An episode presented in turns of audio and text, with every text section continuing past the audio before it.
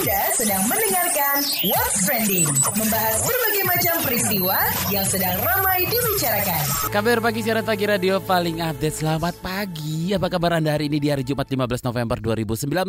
Kita ketemu lagi di What's Trending Kabar Pagi edisi Jumat 15 November 2019. Seperti biasa kita akan ngobrolin satu hal yang lagi ramai diperbincangkan. Ada satu hal yang I don't know ini sudah terlalu ramai atau enggak tapi cukup menarik perhatian sih sebenarnya ya kan wacana sertifikasi wajib bagi calon pengantin. Siap-siap yang ada rencana eh, mau menikah mungkin bulan depan Desember tanggal cantik 12 12 mungkin ada ya tanggal 12 bulan 12 iya ada. Mungkin lamaran atau apalah ya nembak atau apalah gitu. Jadi siap-siap untuk negerin eh, beberapa hal yang bakal kita obrolin ini. Jadi ceritanya nih pemerintah itu bakal mewacanakan sertifikat nikah untuk pasangan yang ingin menikah. Menteri Koordinator Bidang Pembangunan Manusia dan Kebudayaan Muhajir Effendi bilang kalau sertifikat itu akan menjadi bukti calon pengantin sudah memiliki berbagai kemampuan untuk menjalani pernikahan sehingga risiko perceraian dapat ditekan.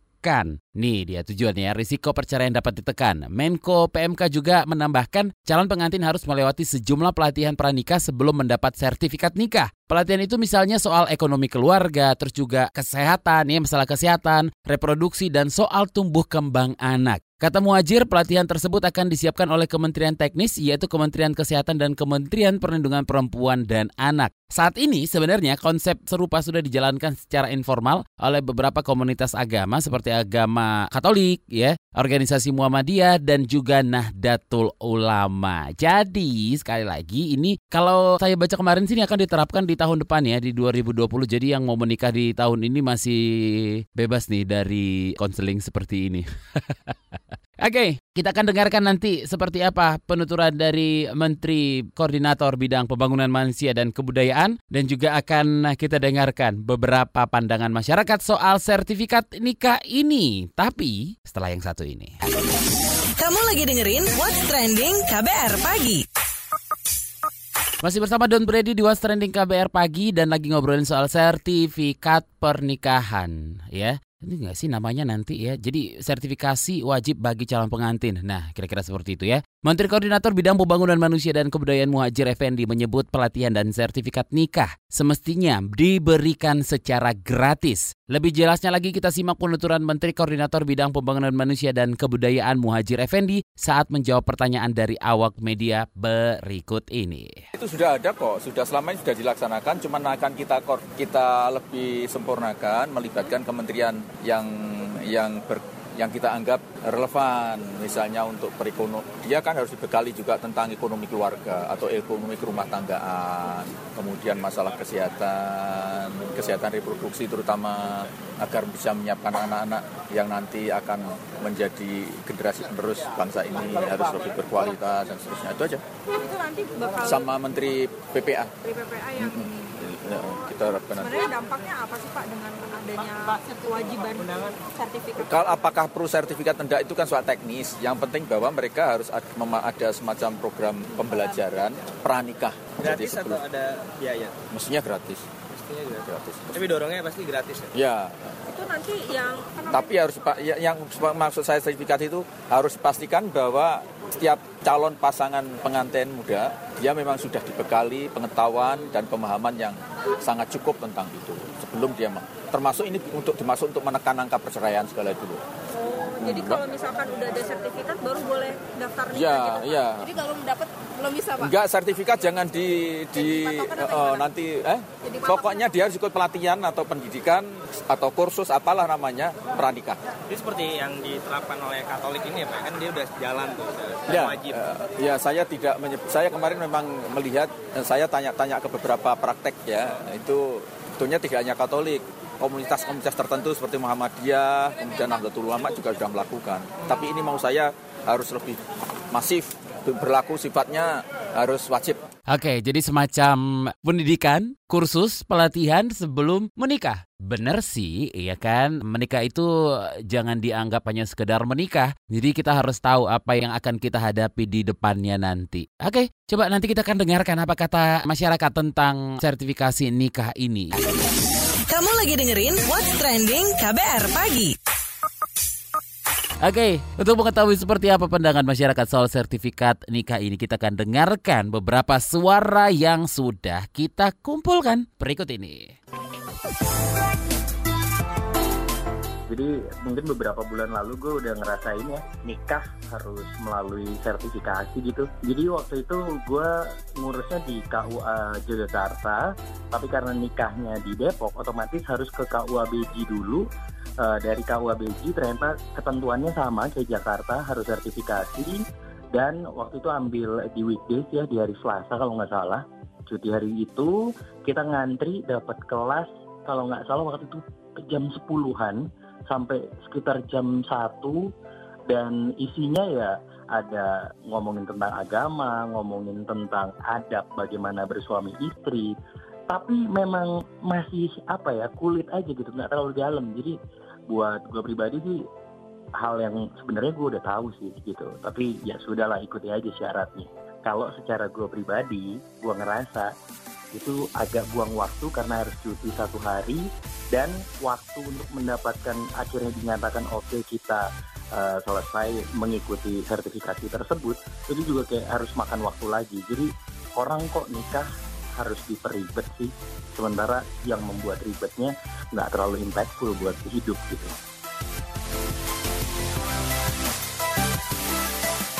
Ya, uh, menanggapi soal sertifikasi dari pemerintah, menurut saya itu penting dan bermanfaat.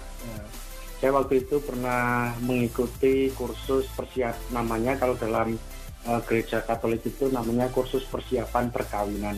Nah dari kesempatan itu uh, saya memperoleh banyak manfaat dalam hal persiapan perkawinan khususnya dalam persiapan contohnya soal bagaimana mengelola emosi keluarga, keterbukaan uh, terhadap pasangan, lalu kemudian bagaimana uh, memanajemen masalah ekonomi keluarga, keuangan. Jadi uh, kalau seandainya setiap keluarga bisa uh, atau calon mempelai atau calon keluarga itu bisa mempersiapkannya dengan baik dan uh, ada kursus-kursus seperti itu, saya rasa itu akan menjadi bekal bagi para pasangan-pasangan yang akan menikah tersebut.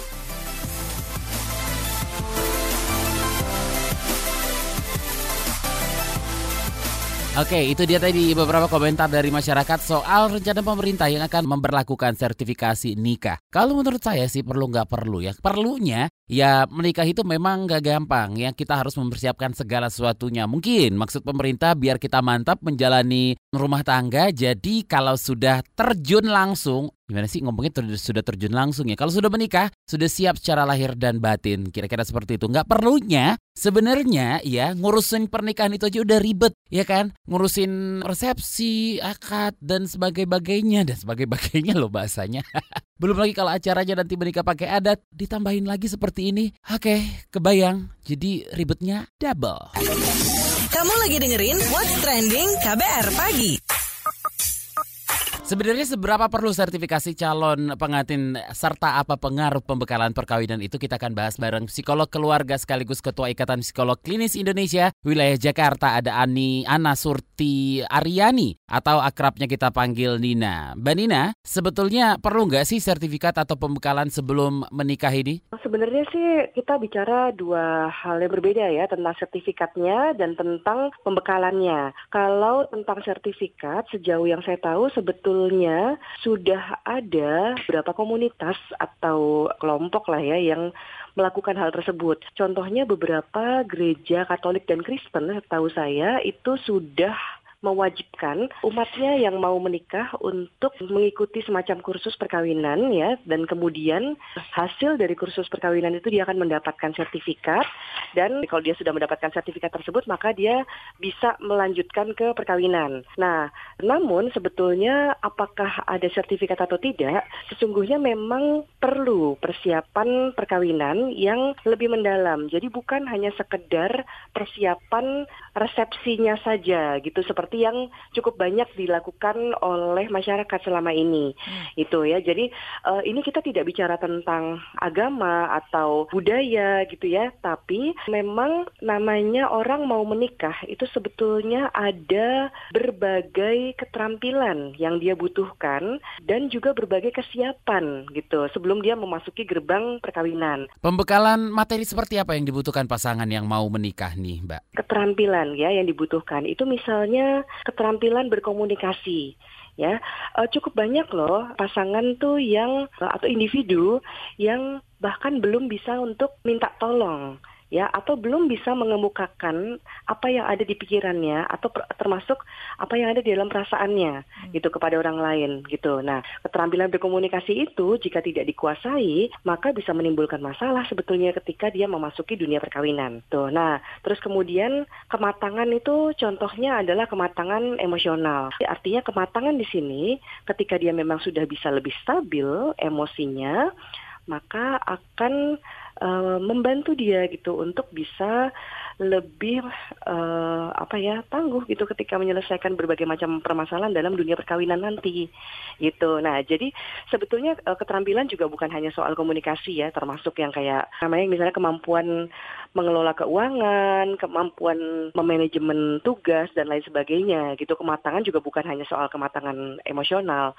gitu. Juga nantinya bagaimana nanti mereka melakukan pendidikan terhadap anak-anaknya gitu ya, bagaimana mereka bekerja sama dalam perkawinannya dan lain sebagainya. Nah, itu yang sebetulnya harusnya dipersiapkan gitu sebelum menikah. Uh, entah itu dipersiapkan oleh keluarga sendiri ataupun memang oleh institusi tertentu. Memang akan ada pengaruhnya dengan adanya pembekalan lebih dulu nih. Sebetulnya memang ya uh, apa namanya ada juga tuh penelitian-penelitian tentang apakah sebuah program persiapan perkawinan itu efektif gitu ya untuk menekan angka perceraian itu. Dan ternyata uh, kalau dari penelitian-penelitian itu program-program persiapan perkawinan yang baik ya memang yang uh, apa namanya memenuhi kriteria tertentu itu memang efektif kok benar untuk mengurangi perceraian karena tadi tuh jadinya orang tuh sudah mematangkan diri sebetulnya sebelum dia betul-betul memasuki dunia perkawinan. Yang kedua, program persiapan perkawinan itu memang membuat si individu maupun pasangan ini melatih gitu beberapa keterampilan yang dibutuhkan sehingga bisa dibilang sudah terseleksi nih orang-orang yang memang mau menikah itu memang betul-betul yang punya niat baik lah untuk menikah. Jadi bukan yang sekedar nggak nggak sengaja tiba-tiba tertarik tiba-tiba menikah gitu ya. Cukup banyak sebetulnya terjadi gitu. Atau mereka yang sangat tidak matang gitu ya. Jadi bukan sekedar belum cukup usia gitu. Kadang-kadang tuh sudah cukup usia tapi belum matang gitu ya kepribadiannya. Itu terus kemudian menikah gitu. Nah jadi sebetulnya dengan program seperti ini akan membantu juga kok individu dan pasangan tuh untuk mempersiapkan diri untuk lebih siap untuk menikah. Oke Mbak, catatannya nih, jika nantinya dilaksanakan secara wajib apa? Jika memang ini dilakukan, maka menurut saya ya persiapan untuk pemberian materinya atau kurikulumnya lah gitu ya, itu sebaiknya merupakan hasil kerjasama antar berbagai bidang. Ya, jadi contohnya di situ mungkin akan dibutuhkan psikolog-psikolog. Ini bukan karena saya psikolog ya gitu ya, tapi memang kebetulan ilmu psikologi itu yang memang banyak sekali mempelajari dunia perkawinan, termasuk kematangan untuk bisa menikah dan keterampilan-keterampilan yang dibutuhkan gitu dalam perkawinan. Kemudian kayak misalnya ahli keuangan untuk mengajari nantinya bagaimana mengelola keuangan. Kemudian para dokter gitu untuk membuat mereka juga lebih sadar tentang wawasan kesehatan gitu ya di dalam kehidupannya gitu. Kemudian juga misalnya ahli hukum gitu supaya mereka juga tahu gitu sebetulnya hal-hal apa saja secara hukum Indonesia gitu yang perlu mereka waspadai atau yang bisa membuat masalah di kemudian hari dan lain sebagainya. Dan bisa saja ahli-ahli lain juga dilibatkan. Oke, terima kasih psikolog keluarga sekaligus Ketua Ikatan Psikolog Klinis Indonesia Wilayah Jakarta, Ana Surti Aryani. Kamu lagi dengerin What's Trending KBR Pagi. Penasaran sama komentar Miss KBR? Ini dia Miss KBR. Biasanya ya, kalau udah di penghujung tahun kayak sekarang ini, satu hal yang biasa dilakukan orang ya, um, ngaca. Secara kan ya, mau tampil gitu loh biasa malam pergantian tahun baru kan. Jadi arena laga anak muda, utamanya begitu. Laga bukan buat tanding, tapi sekadar mejeng aja sih. Kali aja dapet jodoh pas malam pergantian tahun baru. sebenar-benarnya ya maksud Miss KBR itu ngaca bukan berarti beneran ngaca. Nggak harfiah tapi refleksi diri lah nyusun rencana atau bikin daftar prioritas. Kira-kira tahun depan mau ngapain? Atau singkatnya bikin resolusi gitulah ya. Mungkin banget satu di antaranya itu kawin, menikah, menjadikan pasangan kita halal. eh akan tetapi nih ya ada hal lain yang perlu diperhatikan dan dilewati sebelum mengucapkan ijab kabul atau menyatakan bersedia. I do. Kudu dapat sertifikat dulu ya kan? Ah beneran nih, udah kayak ngurus kepemilikan tanah atau ngurus makanan halal aja. Rencananya itu emang diwajibkan kata Menko Bidang Pembangunan Manusia dan Kebudayaan Muhajir Effendi. Begitu ya. Sebelum dapat itu sertifikat, ada kelas atau bimbingan pranikah yang kudu dijalani. Tahun depan bakal mulainya. Mulailah engkau para lajang bersiap diri, masukin itu dalam resolusi kalau mau kawin tahun depan ya. Konon, beberapa hal yang kudu dipelajari pasangan yang mau merit. Ada perkara cara mengelola emosi, keuangan, hingga pengetahuan soal kesehatan dan alat reproduksi. Oh, baru kepikiran pas jadi Menko ya. Dulu pas jadi Menteri Pendidikan kok tiada bersuara perkara itu Bapak. Memangnya perkara kesehatan reproduksi cuman perlu dipelajari atau diketahui orang-orang yang mau merit doang gitu? Sejujurnya sih enggak, tidak masalah bagi Miss KBR. Niat baik sih ya biar pada paham ya bahwasannya kawin itu nggak perkara siap jasmani doang atau sekadar nyari lokasi buat foto priwet. Catat. Itu dia tadi komentar dari Miss KBR. Mau tahu besok Miss KBR bakal komentar apa lagi? Tungguin cuma di KBR Pagi.